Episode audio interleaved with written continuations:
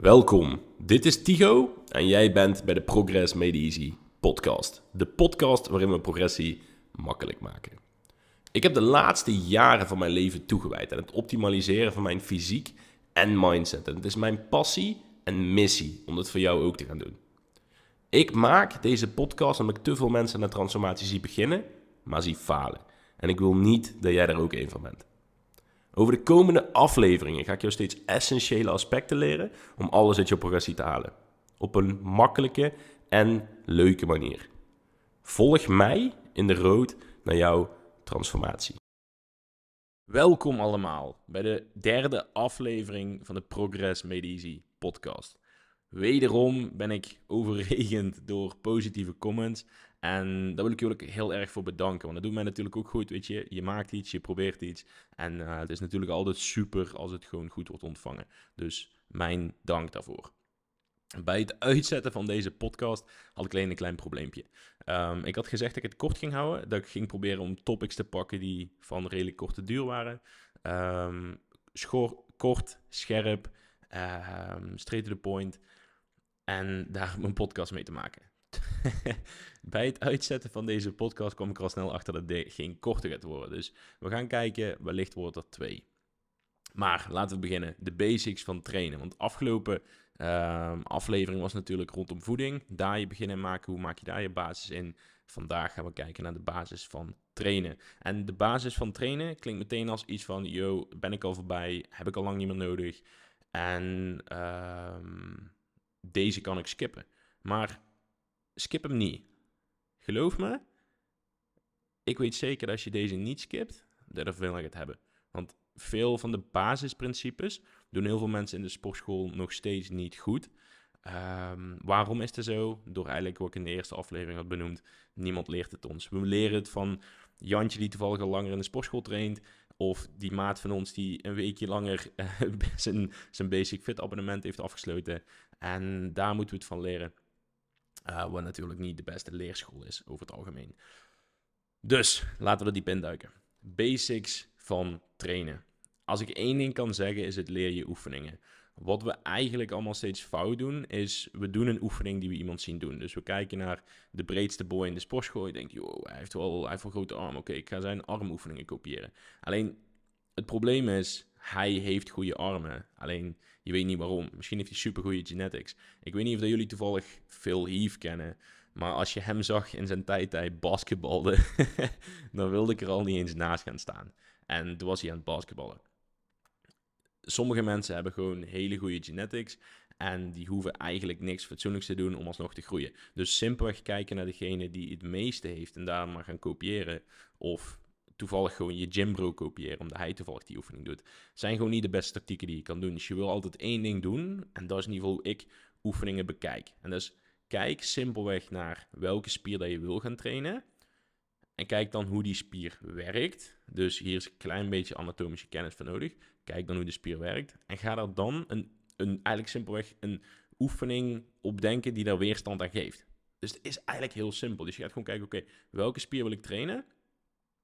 En welke beweging past daarbij? En kan ik daardoor weerstand op die spier geven? Dat is eigenlijk het enige wat je hoeft te doen. Want trainen is simpelweg een spier van het begin. Een spier heeft een begin en een eind. En je kan die dichter naar elkaar toe brengen of verder van elkaar af. Die kunnen niet links of rechts om. Die kunnen alleen maar verder van elkaar af en dichter naar elkaar toe. En als je in die lijn gaat werken, noem ik altijd in diezelfde krachtlijn. Als je in diezelfde krachtlijn gaat werken, dan kan je die spier gebruiken. Zit je in een andere krachtlijn, dus ga je bijvoorbeeld van A naar C in plaats van A naar B, dan kan jij niet die spier gebruiken die je wil gaan trainen. En dat is dus heel vaak waar je fout ziet gaan. Mensen doen oefeningen in plaats van het trainen van een spier. Dus ze doen een oefening omdat ze toevallig iemand die hebben zien doen. En daarbij laten ze heel het principe liggen van waarom kom ik eigenlijk in de gym? Oh, wacht, ik ging vandaag rug trainen. Oké, welk deel van mijn rug wil ik benadrukken met deze oefening? Of welke, welk deel van mijn rug wil ik überhaupt nu gaan trainen? En dan denk ik, oké, ik wil nu uh, het lagere deel van mijn lats doen in een row beweging. Oké, dan moet ik in een positie gaan zitten waarin ik dat kan doen. En heel veel mensen doen dat niet. En dan zijn ze simpelweg maar random dingen aan het trainen. En het grappige is, heel veel mensen komen natuurlijk ook bij mij, atleten van mij, mensen die ik in de gym spreek of wat dan ook, die zwakke punten hebben. Zwakke punten. Iedereen heeft wel zijn zwakke punten. Maar de meeste mensen hebben geen zwakke punten omdat ze genetisch zwakke punten hebben. De meeste mensen hebben zwakke punten omdat ze simpelweg fout trainen. En 90% van die slechte genetics, tussen quotes, die zijn opgelost door ineens goed te gaan trainen. Gewoon mensen die geen schouders hadden, hadden ineens wel schouders. Mensen die geen billen hadden, hadden ineens wel billen.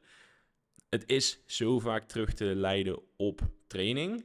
En er zijn al zoveel magische schouders gecreëerd of magische billen gecreëerd, voor wat dan ook, net wat die persoon niet kon hebben, simpelweg door goed te leren trainen. En het is zo belangrijk, alleen we zijn meer op zoek naar wat de beste pre-workout is en hoe laat ik mijn creatine moet nemen, met welke carbs en of ik dan nou 5 minuten of 30 minuten na mijn, na mijn workout moet doen. Daar zijn we meer mee bezig dan hoe dat we daadwerkelijk een oefening goed uit kunnen voeren, zodat we ook daadwerkelijk kunnen groeien aan de hand van die oefening die we doen. Dus super belangrijk, dat is de basis. Als je nou deze podcast af zou stoppen, of je zou nou de podcast stoppen, je zou niet meer luisteren, en je gaat dit toepassen, geloof me, dan ga je al keer twee. Maar ik zou zeggen, tenzij je het heel vervelend vindt, luister nog even. Dan hebben we de basis van die groei, is progressieve overload. Dus eigenlijk, je hebt meerdere drijvers van groei. Die ga ik even allemaal aan de kant leggen, want de belangrijkste is mechanische spanning. En dat is dus eigenlijk de progressieve overload die we doen. Progressieve overload is gebaseerd op spanning. Dus hoe meer spanning wij creëren op een spier, hoe meer overload er is, of hoe meer spanning er is. En daar gaat jouw spier dus op reageren door ervan te herstellen. Want eigenlijk wat we doen tijdens een training is eigenlijk een spier beschadigen. Daarom zijn we ook op het einde van de sessie zwakker dan op het begin van de sessie. En dan in de herstelfase gaan we simpelweg herstellen van de training die we gedaan hebben. En dan worden we weer sterker. Dat noemen we dan supercompensatie. Dus we worden beter dan dat we van tevoren waren. Daarvoor is het herstelproces ook heel belangrijk. Maar dat is een top, waar we later op komen. nu hebben we het even over de progressieve overload.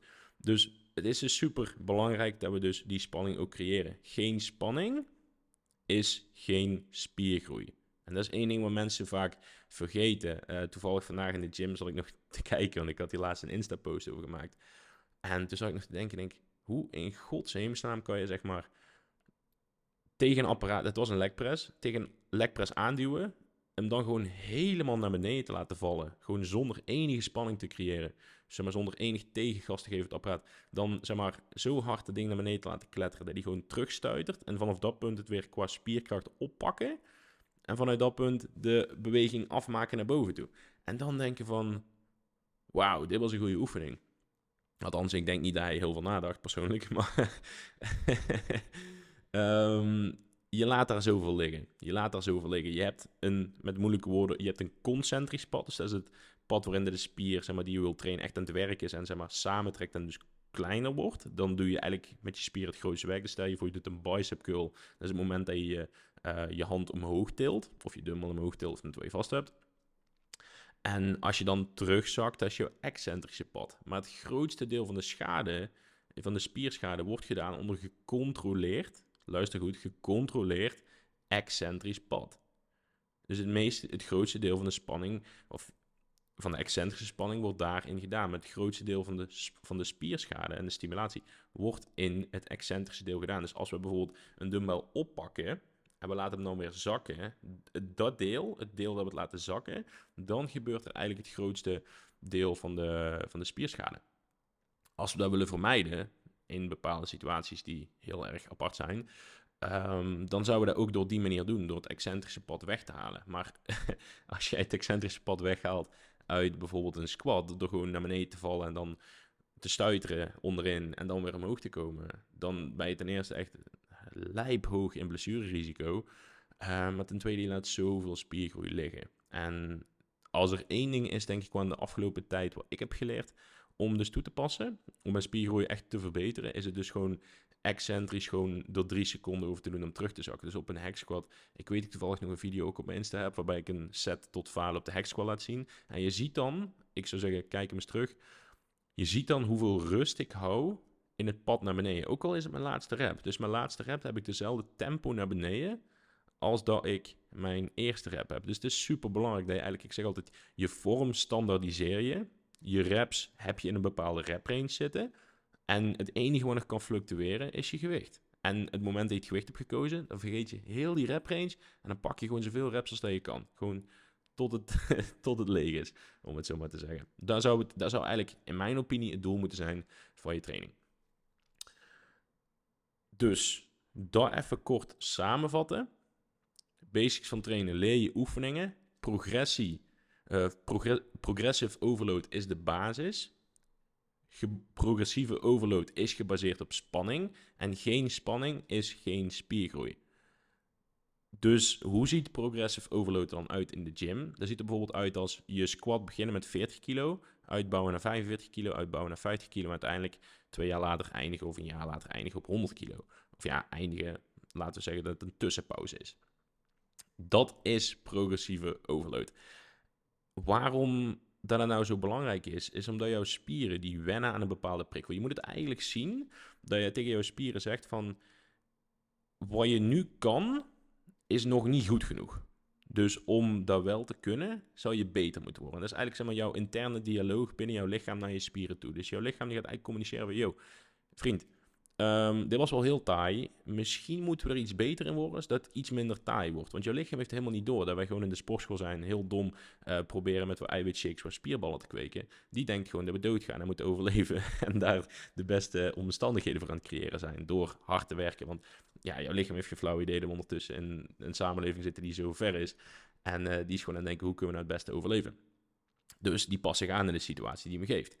Het probleem is alleen, als hij zich heeft aangepast in de situatie die je hem hebt gegeven, dan is er dus geen nieuwe stimulus meer op hetgene wat je al kan.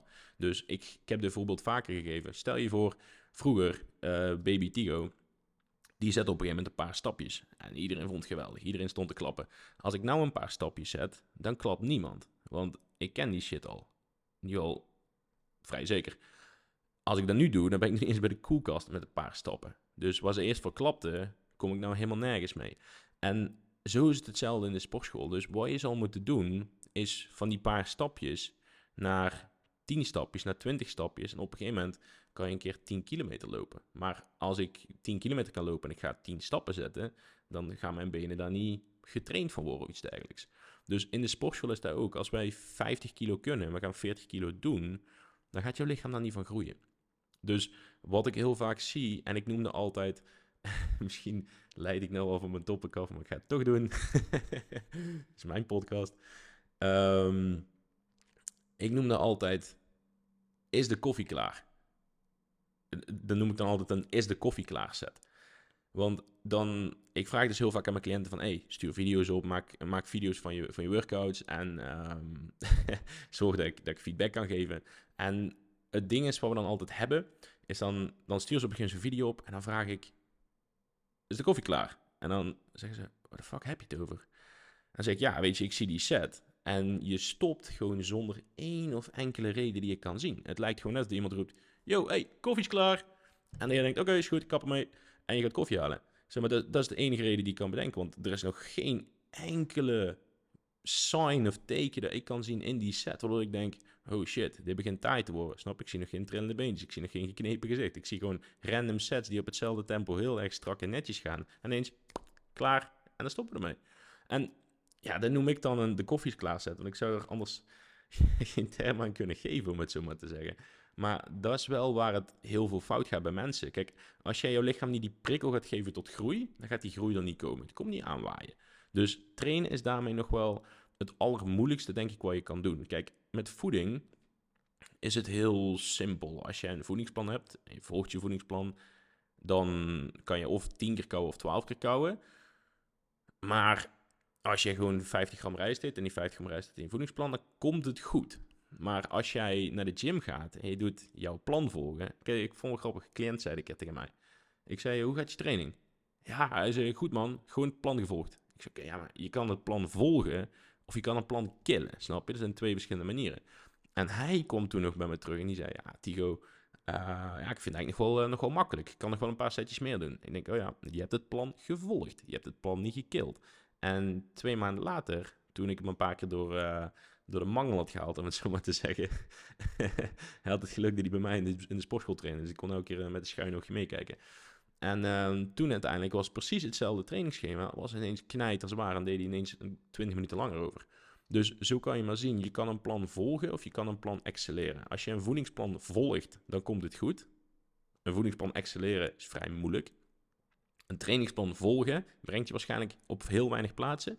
Terwijl een trainingsplan excelleren eigenlijk is wat de streven zou moeten zijn voor jouw progressie. Dus dat zijn belangrijke tips die ik je mee wil geven. Ik ga deze podcast nu afsluiten, maar er komt een vervolg. Want ik heb nog echt een paar dingen op mijn, uh, op mijn lijst staan uh, die je zeker niet wil missen. Dus dit was de podcast van nu. Ik hoop dat die waardevol was. Dit is een echte basis van trainen. Dus nogmaals, als je nou naar deze podcast gewoon zegt: hey, ik ga maand niks meer luisteren, niks meer tot me nemen, ik ga dit eerst toepassen, dan ben je een hele slimme heer of dame. Um, eerst zorgen dat je dit onder controle hebt, vanuit daar doorgebouwd. Dat is echt de basis, maar geloof me, ik kijk in de sportschool rond, ik kijk in heel veel sportscholen rond en ik denk dat 95% van de sportschool hier niet actief mee bezig is. Misschien hebben ze het ooit gehoord, misschien hebben ze ooit een Instagram-post gelezen, maar weinig zijn hier echt actief mee bezig. En hier ligt de groei. Niet in de spannende eiwitshakes, niet in de chique pre-workouts, gewoon in de basis van hard trainen, goed trainen en je oefeningen kennen. Daar ligt de basis. Ik hoop dat het een goede aflevering was. Ik hoop dat je ervan genoten hebt. Laat het me weten. Uh, stuur me even een DM. Misschien heb je een vraag. Knal die ook naar me toe. En dan spreek ik je graag in de volgende aflevering. Dankjewel.